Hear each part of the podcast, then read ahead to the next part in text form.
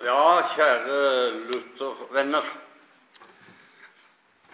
Kristi oppstandelse og vår oppstandelse, det er tema. Nå, Jeg betrakter ikke meg selv som noen Luther-forsker, men har likevel lest såpass meget av Luther at jeg mener å vite i hovedsak hva som kjennetegner hans teologi.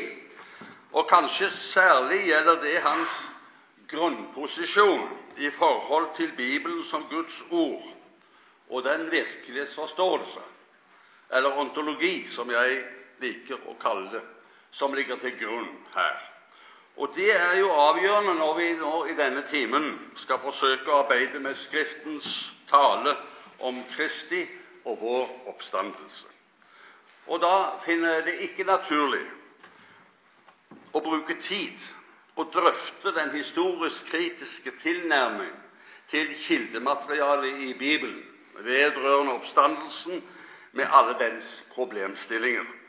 Det er vår posisjon at de forskjellige historisk-kritiske teorier verken kan sannsynliggjøres eller verifiseres vitenskapelig sett. Det er og blir gjetninger og spekulasjon. Og Grunnen til det er jo at skriftmaterialet forutsetter og fremtrer som en ontologisk uatskillelig integrasjon av naturlig og underfullt, av menneskelig og guddommelig, av historisk og metahistorisk. Dette faktum er ikke minst viktig til forståelse av oppstandelsesvirkeligheten, Kristi og vår. Vår forutsetning er derfor at vi i stedet, etter beste evne, forsøker å trenge inn i den virkelighetsforståelse som det bibelske vitnesbyrd som helhet åpenbart forutsetter og bygger på det vi her kaller bibelsk ontologi. Det er den grunnholdning som Luther også åpenbart har, og som han uttrykker med sin egen terminologi. Han sier de hellige skrifter må bare forstås med den ånd i hvilket de er nedfelt. Denne ånd kan ikke noen steder finnes på mer nærværende og levende måte enn i denne ånds egne hellige skrifter, som den selv har skrevet. Sitat slutt. Vi vet jo at Luther han forkaster filosofien, en casu Aristoteles, til fordel for bibelsk ontologi. Det preger også alt det han sier om Bibelen, dvs. Si hans skriftsyn, selv om noen uttalelser kan tolkes annerledes noen ganger. Men i gjennomføringen er han utrolig konsekvent og kongenial med bibelsk virkelighetsforståelse. Det stemmer også med hans prinsipielle syn vedrørende teologiens forutsetninger når han i en sammenheng sier de kristnes første prinsipper bør altså utelukkende være de guddommelige ord, mens alle menneskelige ord bør være konklusjoner som er utledet av disse, som igjen må føres tilbake til dem og avprøves på dem. Åndelig talt betyr det, ifølge Luther, at Skriften, dvs. Si Det gamle og Det nye testamentet, som Guds ord, sitat, bringer med seg hele det guddommelige vesens natur, og at den som har Guds ord, har den hele guddom. Denne grunnholdning til Skriften som helhet er avgjørende for den kristne teologi, og her i vår sammenheng for forståelsen av Kristi oppstandelse og av vår. Nå har trenden i moderne teologi f.eks. vært den at profetien i Det gamle testamentet ikke kan brukes til forståelse av Kristi og vår oppstandelse. Men det strider jo direkte mot det både Jesus og hans apostler har sagt, dvs. Si mot bibelsk ontologi. Apostelen Paulus sier jo direkte at Jesus oppsto på den tredje dag etter Skriftene, 1. kor 15.5.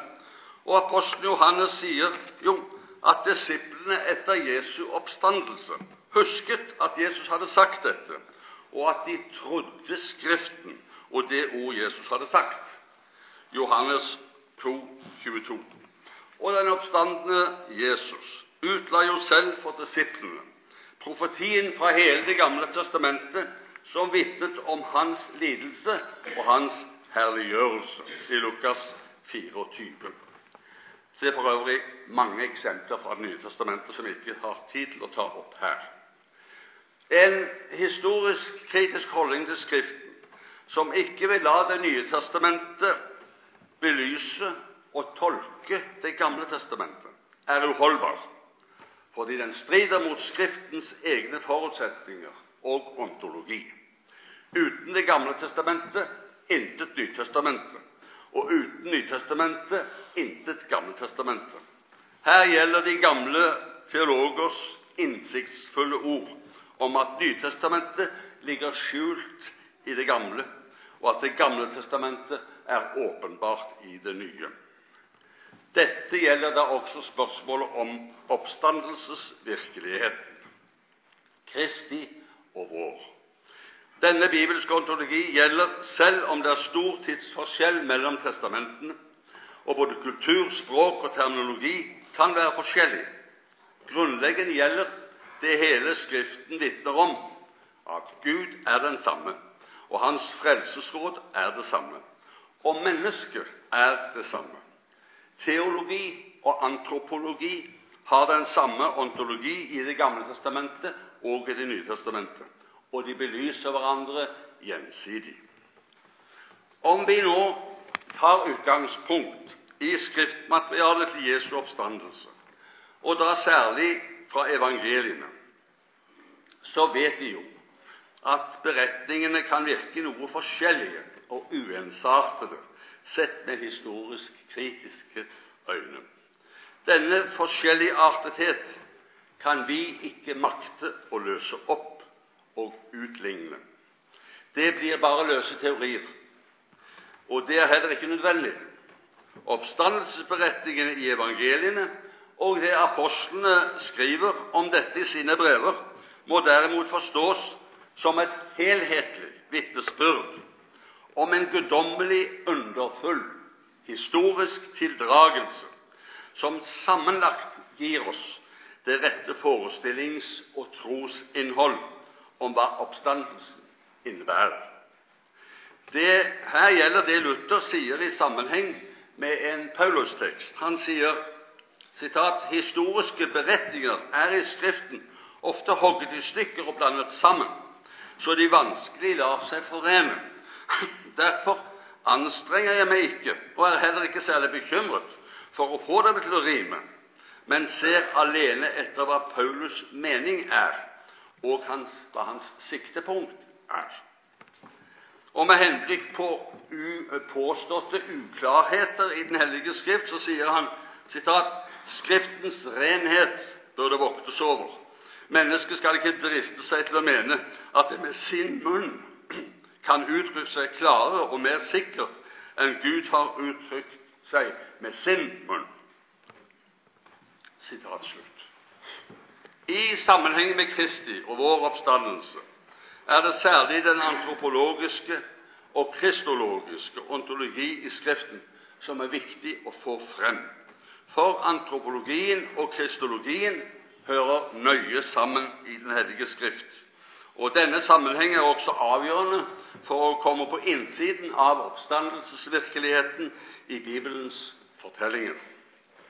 Denne ontologi, dvs. Si den indre sammenheng mellom antropologi og kristologi, den er jo svært omfattende. Her kan vi bare på kortfattet måte ta for oss noen grunnleggende momenter. Det gjelder det Den hellige skrift forstår med gudsbildet, det den forstår med livet, det den forstår med tiden, med ånd, sjel og legeme, samt hva Skriften forstår med døden. Sammentenkt så kaster disse momentene lys over oppstandelsesvirkeligheten, slik den er forkynt oss i Den hellige Skrift, og avgrenser den mot filosofisk spekulasjon generelt. La oss først si litt om gudsbildet i Skriften med henblikk på oppstandelsesvirkeligheten. For det har både med antropologi og med kristologi å gjøre. Det skulle være meget kjent stoff her, som vi trenger å repetere. Gudsbildet som ble gitt mennesket i skapelsen, det er jo en eksistens- og vesensbestemmelse ved mennesket. Men det er ikke i gudsbildet tale om noen eksistensidentitet, noe naturfellesskap eller vesensfellesskap med Gud.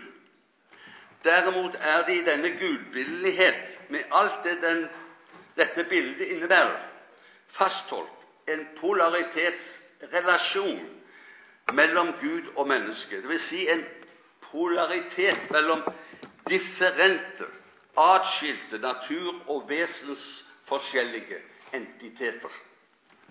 Her er det altså ikke rom for noen idealistisk eller panteistisk ontologi. Det er tale om en polaritetsontologi hvor subjekt-objektontologien er fastholdt. Det er det viktig å understreke i vår moderne tid.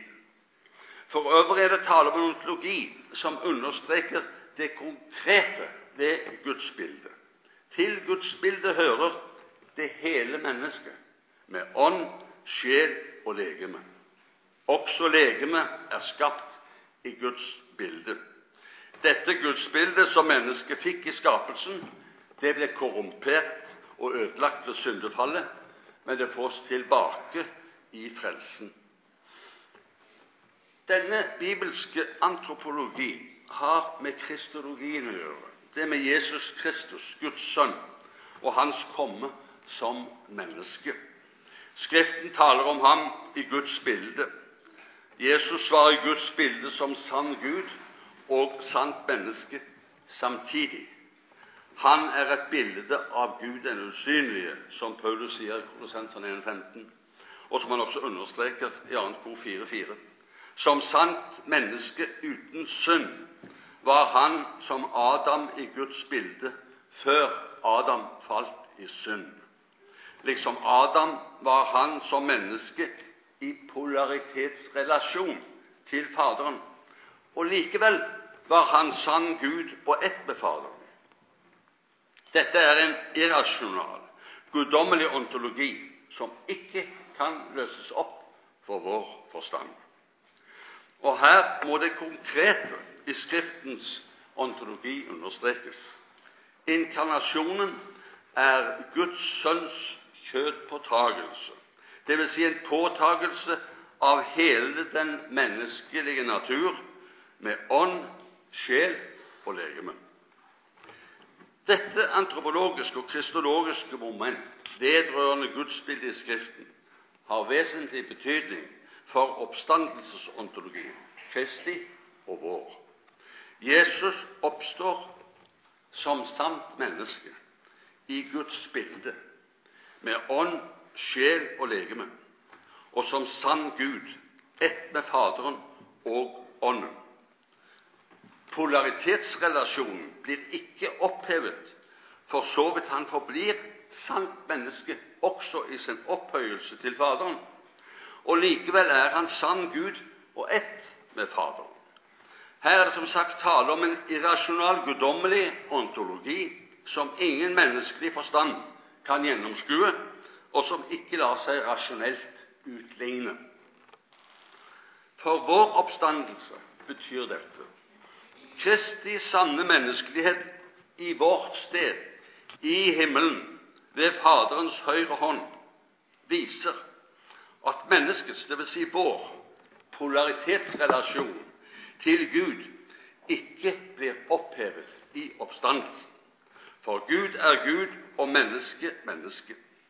Panteistisk ontologi er derfor utelukket både her og hisset. Forsøk på å tolke visse skriftord panteistisk kommer i grunnleggende konflikt både med inkarnasjons- og oppstandelsesontologien i Den hellige Skrift og er forkastelig. Det gjelder f.eks. en panteistisk tolkning av Paulus' uttrykksmåte i første kor 1528, hvor han taler om at for at Gud skal være alt i alle. Eller eh, hans ord på Aropagos i Akta 17, 28, for i ham er det vi lever og rører oss og er til. I oppstandelsen får, de troende, får det troende mennesket gudsbildet uplettet tilbake for Kristi skyld, liksom i paradiset. Fordi synden, døden og djevelen er borte. Denne oppstandelse med Kristus er det samme som å bli likedannet med Guds sønns bilde, som Paulus sier i Romerne 8,29. Og denne likedannelse med hans bilde den begynner allerede her i livet. Ved troen blir vi nye skapninger i ham, sier Skriften.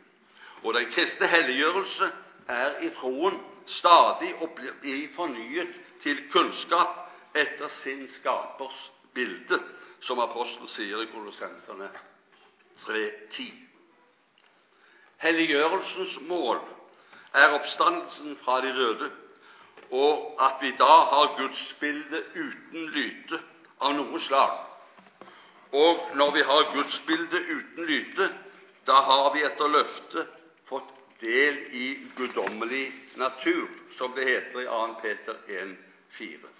Her i livet har vi delaktighet i guddommelig natur fordi vi ved troen er tilsagt Kristi rettferdighet.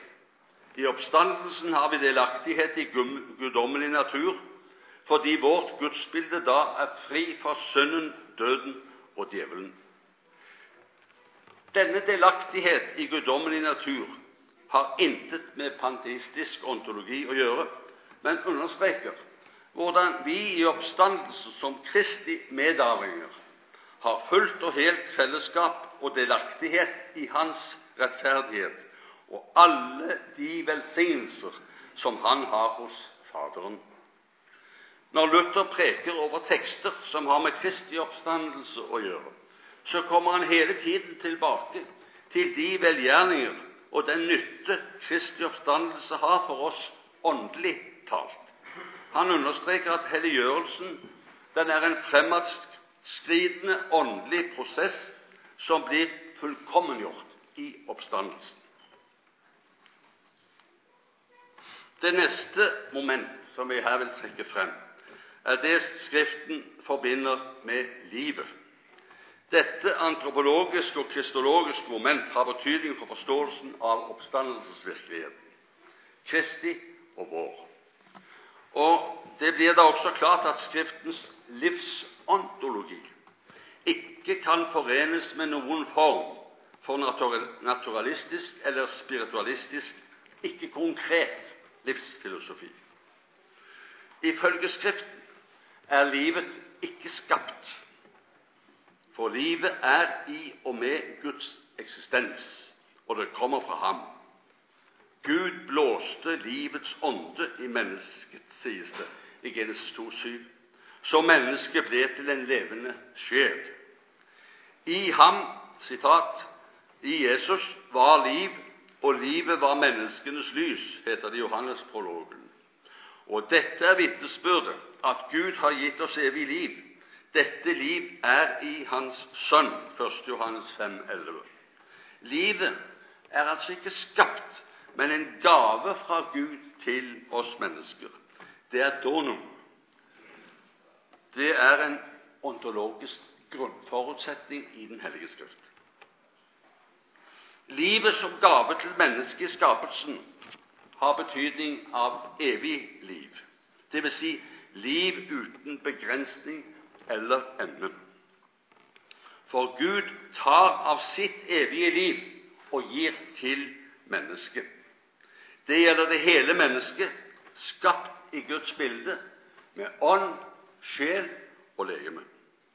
Men dette liv som mennesket har fått, har likevel ingen autonomitet. Derimot er det gitt en relativ selvstendighet under Guds styrelse. Det er Han som gir liv, det er Han som holder i livet, og det er Han som tar livet tilbake når Han vil. Ved syndefallet ble mennesket fratatt det evige livet og ble lagt under forgjengelighet, dvs. Si begrenset liv. Filosofien kan her bare se det dennesidige ved døden og forgjengeligheten. Av den grunn kan filosofen Martin Heidegger f.eks. si at livet er en væren til døden, sein som tode. Det viser erfaringen oss. Det samme skjedde med allnaturen. Den følger menneskets skjebne. Også den ble lagt under forgjengelighet på grunn av synden. Roman 28. Men når Skriften taler om død og forgjengelighet, er det alltid i relasjon til det evige livet. Og denne relasjonen den kan ikke filosofien gjennomskue. Mennesket som nå lever under syndens følger, er derfor i dette perspektiv å betrakte som levende døde. Jesus sa 'la de døde begrave sine døde'. Matteus 8, 22. Og Paulus sier til efeserne at de før de kom til troen, var uten håp, og at de var døde ved sine overtredelser og synder. Efeserne 2,12. Det evige livet gir Gud mennesket tilbake ved Hans underfulle inngripen ved Sønnen og ved tro og tillit til Hans frelsergjerning. Denne antropologiske sannhet om livet har også vesentlig med kristologien å gjøre. For Guds sønn fikk som sant menneske uten arvesynd, som sant menneske uten arvesynd, dette Guds evige liv som gave ved inkarnasjon, dvs. Si ved unnfangelsen ved Den hellige ånd, og sin fødsel som sant menneske med ånd, sjel og legeme. Han lever ved Faderens liv, som han selv sier. Jesus selv sier i Johannes 6, 57. Og hans liv, han, det er donum fra Faderen. Jesus sier, for liksom Faderen har liv i seg, således har han også gitt Sønnen å ha liv i seg selv. Johannes 5, 26. Men samtidig ble han som sant menneske fratatt det evige livet og satt under forgjengelighet fordi han var i vårt sted og gikk inn under vår syndebyrde, vår synd og vår skyld, og tok vår straff på seg ved sin lidelse og død på korset. Han var vår stedfortreder. Denne samtidighet mellom det evige livs gave og tap av dette hos Jesus, det er irrasjonalt og kan bare forstås bibelske, ut fra den bibelske sannhet at han er sann Gud og sant menneske i samme person. Men Jesus fikk også i vårt sted, som vår sted, stedfortreder, livet tilbake av Gud ved sin oppstandelse av de døde på grunn av sin rettferdige frelsergjerning. Apostelen Paulus sier derfor har Gud høyt opphøyet ham. Filipperne 2,9. Og samtidig, og det er det underfullt irrasjonale, både i lidelsen, døden og oppstandelsen, er han Guds evige sønn, som har livet i seg, og som selv er livet. Denne bibelske sannhet om livet, som gjelder Jesus Kristus og hans oppstandelse, gjelder like meget de troende og vår oppstandelse. Dette evige livet uten ende, som omfatter ånd, sjel og legeme, og som Kristus har i seg som Guds evige sønn, og som Han som sant menneske i vårt sted får tilbake i sin oppstandelse fra de døde, det er blitt oss til del ved troen, lærer Skriften oss. Og det evige liv Kristus nå har som sant menneske ved Faderens høyre hånd i himmelen, er også blitt oss til del ved troen. Som Paulus sier, har Han oppvakt oss med ham og satt oss med ham i himmelen i Kristus Jesus. Efesan 2,6. For vi er ved troen Guds arvinger og Kristi medarvinger, som han sier et annet sted, Roman 8,17. Det betyr at alt det Kristus Jesus har hos Faderen, skal også vi få hos Faderen. Dette evige livet det påbegynnes her i troen på Jesu gjerning for oss ved syndenes forlatelse og helliggjørelse. Men det evige livet her i verden forblir likevel ufullkommen på grunn av synden. Men i oppstandelsen så får vi for Kristi skyld det evige livet slik Han har vist oss at det var fra begynnelsen, i paradiset, før synden kom inn i verden, og hva det innebærer. Luther skriver i forklaringen til den tredje artikkelen i Den store katekismen sitat, etter at helliggjørelsens verk er begynt og daglig vokser, så venter vi at vårt kjøtt skal dødes og bli begravet med all sin urenhet, men igjen komme herlig frem og stå opp til den hele og fulle hellighet i et nytt, evig liv. Denne guddommelige sannhet den står i motsetning til og kan ikke forenes med en immanent naturalistisk eller noen form for spiritualistisk forståelse av livet. Det er en irrasjonal, guddommelig sannhet som ingen menneskeforstand kan gjennomskue. Det er som apostelen Paulus selv sier, hva øyet ikke så og øret ikke hørte, og hva ikke oppkom i noe menneskets hjerte. Første kor 2, 9. Det neste moment som vi vil trekke frem, er den bibelske ontologi vedrørende tiden. Denne ontologi gjelder så vel Kristus som oss, og den kan heller ikke forenes med noen form for naturalistisk eller eksistensialistisk tidsforståelse. Liksom livet er heller ikke tiden skapt. Derimot er tiden i og med Guds evige eksistens og hans skaperverk. Hans tid er varighet uten ende. Det er en ontologisk grunnforutsetning i Skriften. Mennesket er gitt Guds tid, dvs. Si evig tid, i skapelsen. Det er som predikeren sier et sted sitat, også evigheten har han lagt i deres hjerte, men slik at mennesket ikke til fulle kan forstå det verk Gud har gjort fra begynnelsen til enden. Predikeren 311. Men denne evige tid mistet mennesket ved syndefallet. Syndefallet omfatter det hele mennesket, både ånd, sjel og legeme. Og mennesket lever nå på grunn av synden i en begrenset tid til sin død og eller til Kristus, Kristus kommer til dom, liksom all øvrig natur som Gud har skapt, gjør det. Nå er menneskets tid liksom gressets tid. Det står for en kort tid, og så visste det, som David sier i Salme 103, eller 70-80 år, som det heter i Salme 90. Den evige tid, Guds tid, fås tilbake ved Guds underfulle inngripen ved Sønnens frelsergjerning og troen på den. Det er som Jesus sier dette er det evige liv, at de kjenner deg, den eneste sanne Gud, og ham du utsendte, Jesus Kristus. Og hver den som lever og tror på meg, skal aldri i evighet dø. Johannes 11, 26.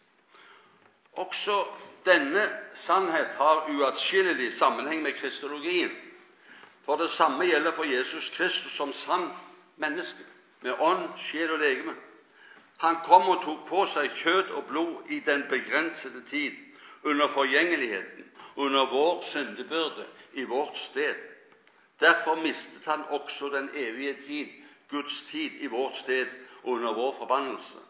Hans tid som menneske her i verden var en begrenset tid. Men han fikk den evige tid, Guds tid, tilbake av Faderen på grunn av sin rettferdige frelsergjerning og i oppstandelsen fra de døde. Men samtidig med at Jesus var gitt en begrensede tid på grunn av vår syndebyrde som han bar, så var han Guds evige sønn, som alltid hadde den evige tid, Guds tid, i seg, og som selv var den evige tid i og med sin eksistens som Gud. Som han sa, 'Jeg er oppstandelsen og livet'. Og som apostelen Johannes sier om Jesus, han er den sanne Gud og det evige livet. 1. Johannes 5,20. Denne bibelske tidsontologi, som gjelder så vel for oss som for Jesus, kaster lys over oppstandelsesontologien. Liksom Jesus Kristus var den evige tid her i verden som sann Gud og sant menneske, og i vårt sted, så har også vi ved troen på ham del i den evige tid, hans tid, dvs. Si varighet uten ende, allerede her.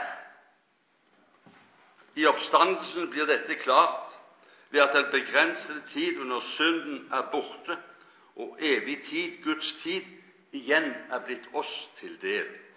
Det gjelder også Guds øvrige skaperverk, som i alle ting følger menneskets kår, og som håper på å citat, bli frigjort fra forgjengelighetens trelldom til Guds barns herlighetsfrihet, som apostelen skriver i Romerne 8, 20 følgende. Denne evige tid er allerede her i livet blitt de troende til del. De er gått over fra døden til livet, som Jesus sier. Johannes 5, 24. De troende lever i den evige tid, i tiden uten ende. Denne overgang til den evige tid, den er reell og ikke bare billedlig. Det gjelder det hele mennesket med ånd, sjel og legeme. Den understreker den reelle kontinuitet mellom livet her under synden, den begrensede tid, og det som kommer bak død og grav, når mennesket gjenreises fra graven, fri fra synden, og arver den evige tid med Kristus.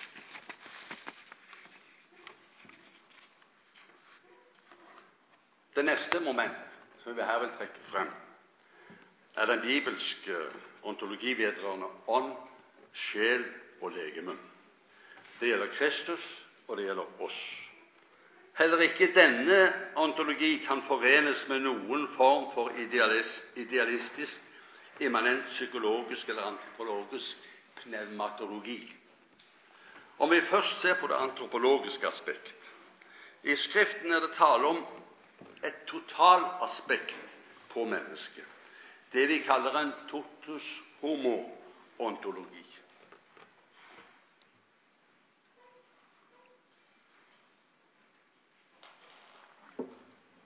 Det vil si ånd, sjel og legeme er en helhet og en enhet i både i skapelsen, i syndefallet og i frelsen. Det er det hele mennesket som er skapt i Guds bilde, og det er det hele mennesket med ånd, sjel og legeme som faller fra Gud i opprør og synd. Og det er det hele mennesket med ånd, sjel og legeme som blir frelst for Jesu Kristi skyld. I Det gamle testamentet er denne totus homo-ontologien ofte uttrykt ved at ordet sjel står for det hele mennesket. Det er viktig å understreke at sjelen, ifølge Den hellige Skrift, ikke er mer åndelig enn legemet, selv om den åndelige siden av mennesket ikke er anskuelig.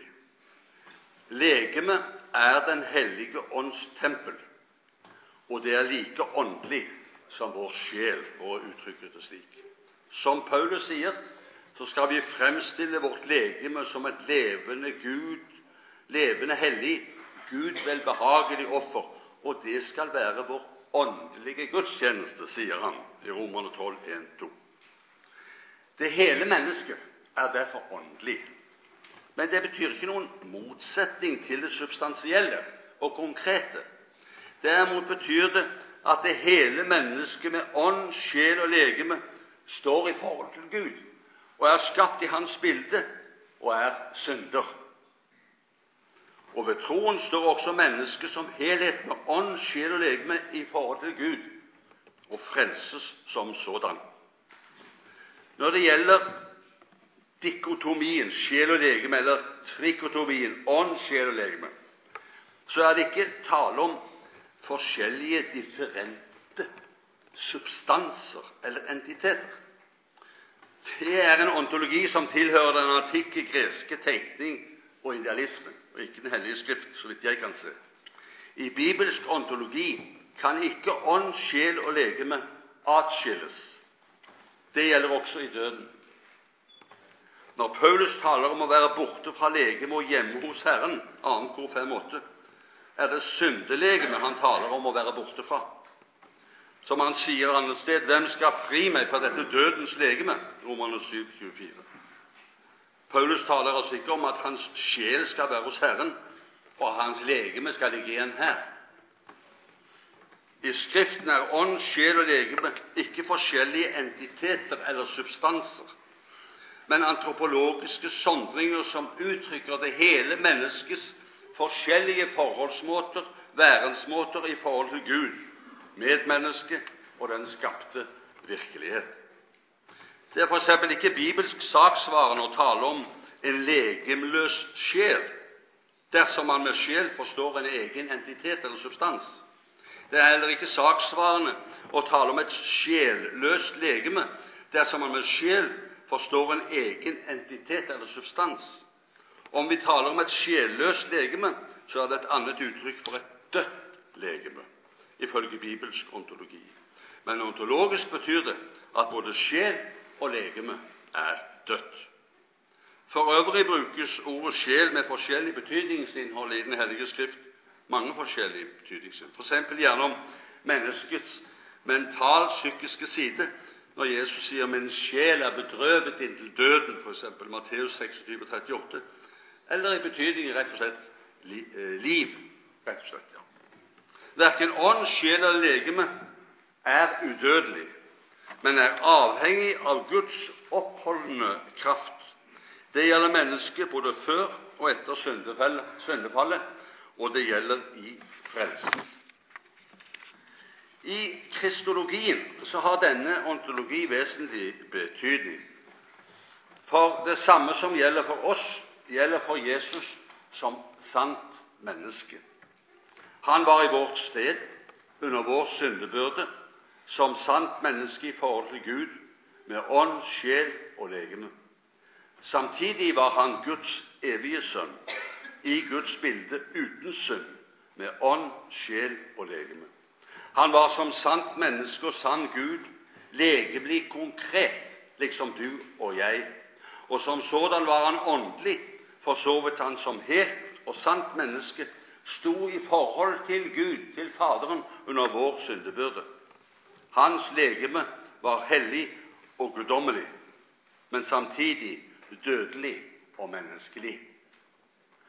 Når det i forskjellige sammenhenger tales om Jesus sjel, så er det ikke tale om noen bestemt atskilt entitetsinstans i ham, men om et åndelig eller psykisk mentalt forhold når apostelen Paulus taler om at Kristus led døden i kjødet, men ble levendegjort i ånd, som det står i 1. Peter 3,18, så betyr det ikke at hans sjel forlater hans døde legeme. Dermed betyr det at han som døde, ved Guds kraft blir levendegjort og frigjort fra dødens bånd, slik at han nå som den hele Kristus kan forkynne evangeliet for de døde gjenstridige fra Noas dager, 1. Peter 4,6. At disse gjenstridige omtales som ånder, betyr heller ikke at disse ånder er sjeler atskilt fra sine legemer. Derimot henspiller uttrykksmåten på den åndelige mellomtilstand med sjel og legeme, som Skriften lærer, og som ligger utenfor og hinsides vår fatteevne. Som sant menneske var ikke Kristus udødelig. Det er altså heller ikke saksvarende å tale om at hans sjel var udødelig. Som sant menneske var han avhengig av Faderens oppholdelse. Han ble som sant menneske under vår syndebyrde dødelig. Men han ble ved Guds kraft oppreist fra døden på grunn av sin rettferdighet og lydige frelseshandling for oss, Romerne 6,4. Samtidig er han Guds evige sønn, som selv sprenger graven og seirer over synden, døden og djevelen. For oppstandelsesontologien har denne, dette vedrørende sjel og legeme følgende betydning. Liksom Jesu død var en død som helt menneske med ånd, sjel og legeme, skjedde også hans oppstandelse som helt menneske med ånd, sjel og legeme. Det var et herliggjort menneske eller legeme, men like fullt og samtidig konkret og identisk med han som ble korsfestet og døde. Graven var tom. Han ble gjenkjent, selv om han gikk gjennom lukkede dører. Disiplene tok og følte på ham. Apostel Johannes skriver om dette. Det som var fra begynnelsen, det vi har hørt, det vi har sett med våre øyne, det vi skuet og våre hender følte på, det forkynner vi dere. Luther skriver om Jesus tilsynekomst i en preken over Johannes 20, 19 følgende, første søndag etter påske. Sitat. Ut fra det faktum at Kristus kommer til disiplene gjennom en dør som er lukket, skal vi lære at etter hans oppstandelse og i hans kongedømme her på jorden er han ikke lenger bundet av legemlige, synlige, berørbare og verdslige ting, så som tid, sted, rom og lignende, men han skal erkjennes og tros på som en ved sin makt kan herske overalt, være til stede alle steder og til alle tider, osv. Ved oppstandelsen er det altså den døde Kristus som ble lagt ned i graven, som står levende opp. Hans død er like reell som vår død. Det var en død med ånd, sjel og legeme. Og hans omstandelse er en seier over døden, både for ånd, sjel og legeme. Hans herliggjorte legeme betyr ikke at det er et annet legeme enn det som ble lagt ned i graven, som står opp, men at hans legeme nå er uten syndebyrden og konsekvensen av den fordi han som Guds sønn har overvunnet synden, døden og djevelens makt. Hans legeme er like konkret som før døden, men samtidig herliggjort for himmelen. Det er klart at denne oppstandelsesontologi er uforenlig med enhver form for falsk åndeliggjørelse og spiritualistisk forståelse av oppstandelsen. Det siste moment vi vil trekke frem og minne om, er den bibelske dødsontologi. Den gjelder Jesus Kristus, og den gjelder oss. Den kommer også i avgjørende motsetning til enhver form for naturalistisk, naturalistisk forståelse av døden. Først noe om det antropologiske aspekt. Døden er ifølge bibelsk tenkning eller ontologi ingen utslettelse eller annihilasjon. Derimot er døden forstått som en tilstand, en tilstand av særegent liv og bevissthet, utenfor tiden og utenfor rommet, som bare Gud kjenner hemmeligheten ved. I motsetning til utslettelse er døden også benevnt som en søvn og oppstandelsen som en oppvåkning.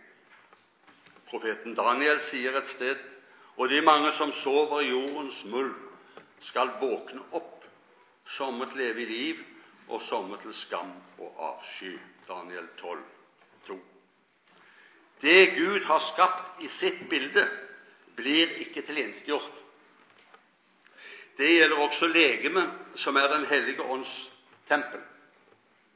Det gjelder så vel den troende som den ugudelige.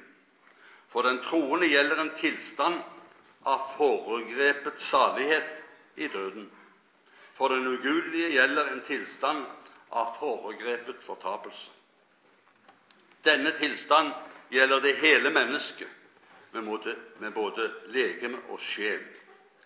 Og Eksempelet her er bl.a. fortellingen om den rike mann og Lasarus, f.eks. i Lukas 16, og om åndene som var i varetekt, som vi allerede har nevnt, 1. Peter 3,19.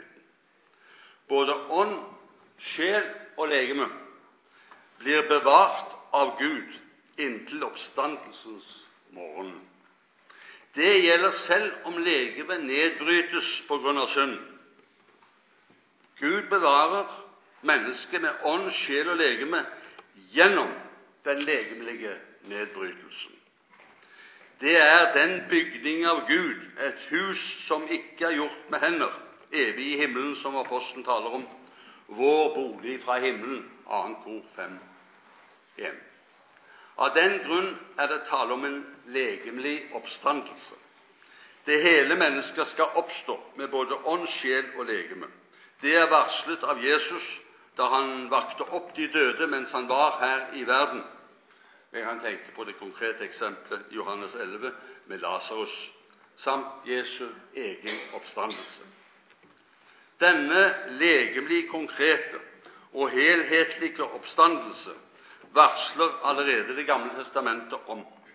Det er denne oppstandelsesontologi som ligger til grunn når profeten Jobb sier, men jeg, sitat, men jeg, jeg vet at din løser lever, og som den siste skal han stå frem på støvet. Og etter at denne min hud er blitt ødelagt, så skal jeg ut fra mitt kjød skue Gud, Han som jeg skal skue meg til gode, Han som mine øyne skal se, og ikke noen fremmed. Mine nyrer tæres bort i mitt liv. Jobb 1925 følgende. Apostelen Matteus forteller at da Jesus døde, ble gravene åpnet, og mange av de dødes legemer sto opp og gikk ut av gravene etter hans oppstandelse og kom inn i den hellige by og viste seg for mange. De døde var altså ikke tilintetgjort. De var bevart av Gud og ble oppreist fra dødstilstanden av Gud med sine legemer, boligen fra himmelen. For kristologien så har denne dødsontologi følgende betydning.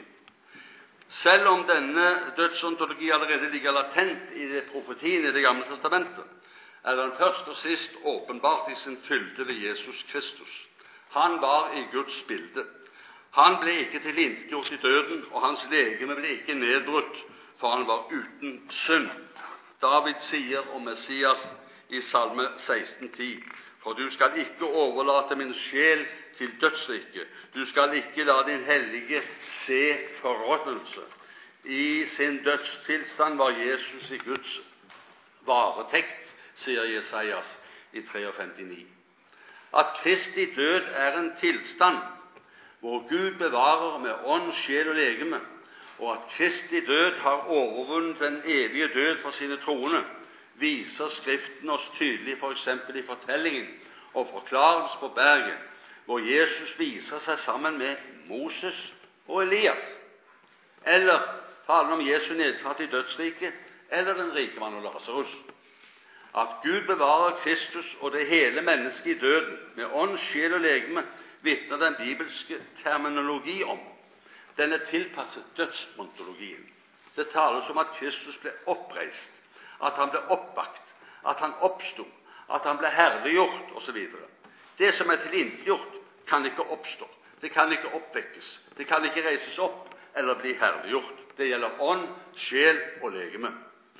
Ellers tales det om at han er den førstefødte av de døde og førstegrøden av de hensovne. Bare for å understreke når det tales om førstefødte av de døde, så betyr det at han kommer først ut av mors liv, og vi andre troende kommer deretter og fødes ut i verden på nøyaktig samme måte som ham. Det gjelder også når det tales om første grøden av de hensevne, den første og den høsten som kommer etterpå. Den ontologi mot slutten her nå, den ontologi som vi her bare punktvis har skissert for antropologi og kristologi, ligger til grunn og bærer oppstandelsesberetningene i evangeliene og i brevlitteraturens omtale av Kristi oppstandelse. Han levde som sant menneske under vår syndebyrde. og han oppsto som sant menneske etter å ha overvunnet synden, døden og djevelen. Han er nå ved Faderens høyre hånd som sann Gud og sant menneske, med ånd, sjel og legeme. Han er, slik han oppsto, konkret, åndelig, herliggjort. Apostelen Paulus sammenfatter alle de velsignelser som ligger i Jesu Kristi oppstandelse, med å si at vi som troende er Guds barn, Guds arvinger og Kristi medarvinger. I dette uttrykket, ligger en veldig velsignelsesrikt og omfattende innhold. Det betyr jo at alt det Jesus Kristus har arvet hos Gud, skal vi arve på samme måte. Alle hans rettigheter hos Faderen er også våre rettigheter hos Faderen, på grunn av det Jesus har gjort da han led og døde for våre synders skyld. Vedrørende oppstandelsen, som er vårt tema her, har dette en velsignelsesrik betydning, som Skriften taler klart om. Vi har tidligere nevnt det Skriften sier om vår oppstandelse, i likhet med Kristi oppstandelse, som det heter i Romer 6,5. Paulus utdyper dette nærmere i Filippabrevet, hvor han sier sitat, Han skal forvandle vårt fornedrelseslegeme, så det blir likt med Hans herlighetslegeme, etter den kraft hvormed Han kan underlegge seg alle ting. I første kor 15 sier Paulus at kjød og blod kan ikke arve Guds rike. Vers 50. Kjød og blod har her samme betydning som naturlig legeme, eller jordisk, som man også kaller det i samme kapittel. Det betyr i apostelens sammenheng mennesket under arvesundens åk og forbannelse i vanære under forgjengelighet. Slik kan vi ikke arve Guds rike. Men når Guds basun lyder, da skal det forgjengelige, det er kjøtt og blod, det jordiske, det dødelige som legges ned i graven, ikles udødelighet og uforgjengelighet. Det er oppstandelsen. Det skal skje et forvandlingsunder med oss, så vi får et legeme som er likt med Hans herlighetslegeme, som han sier. Og det skal også skje med oss om vi lever når Jesus kommer igjen. På denne bakgrunn er enhver fornuftsspekulasjon vedrørende vårt oppstandelseslegeme unyttig og meningsløs. For Gud selv har åpenbart for oss ved Jesu Kristi oppstandelse hvordan vår oppstandelse skal bli. Han har i historien, i tiden, på bestemt sted og bevitnet av mennesker vist oss sannheten om dette. Vi kan ikke gjennomskue dette med vår fornuft, men vi kan ha klare forestillinger om det. Og nettopp det er åpenbaringens hensikt, så troen skal ha noe å feste seg til. Og det er så konkret og menneskevennlig det vel kan få blitt. Og ingen helt til slutt, og ingen har satt dette klare i overensstemmelse med bibelsk ontologi vedrørende oppstandelsen enn Martin Luther.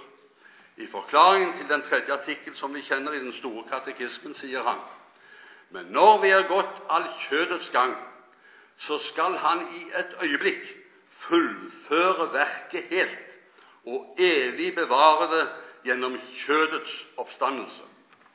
Når det her står kjødets oppstandelse, er det nok ikke godt uttrykt i vårt morsmål, sier Luther. For når vi hører ordet kjød, fleisch, så tenker vi ikke lenger enn til slakterbutikken.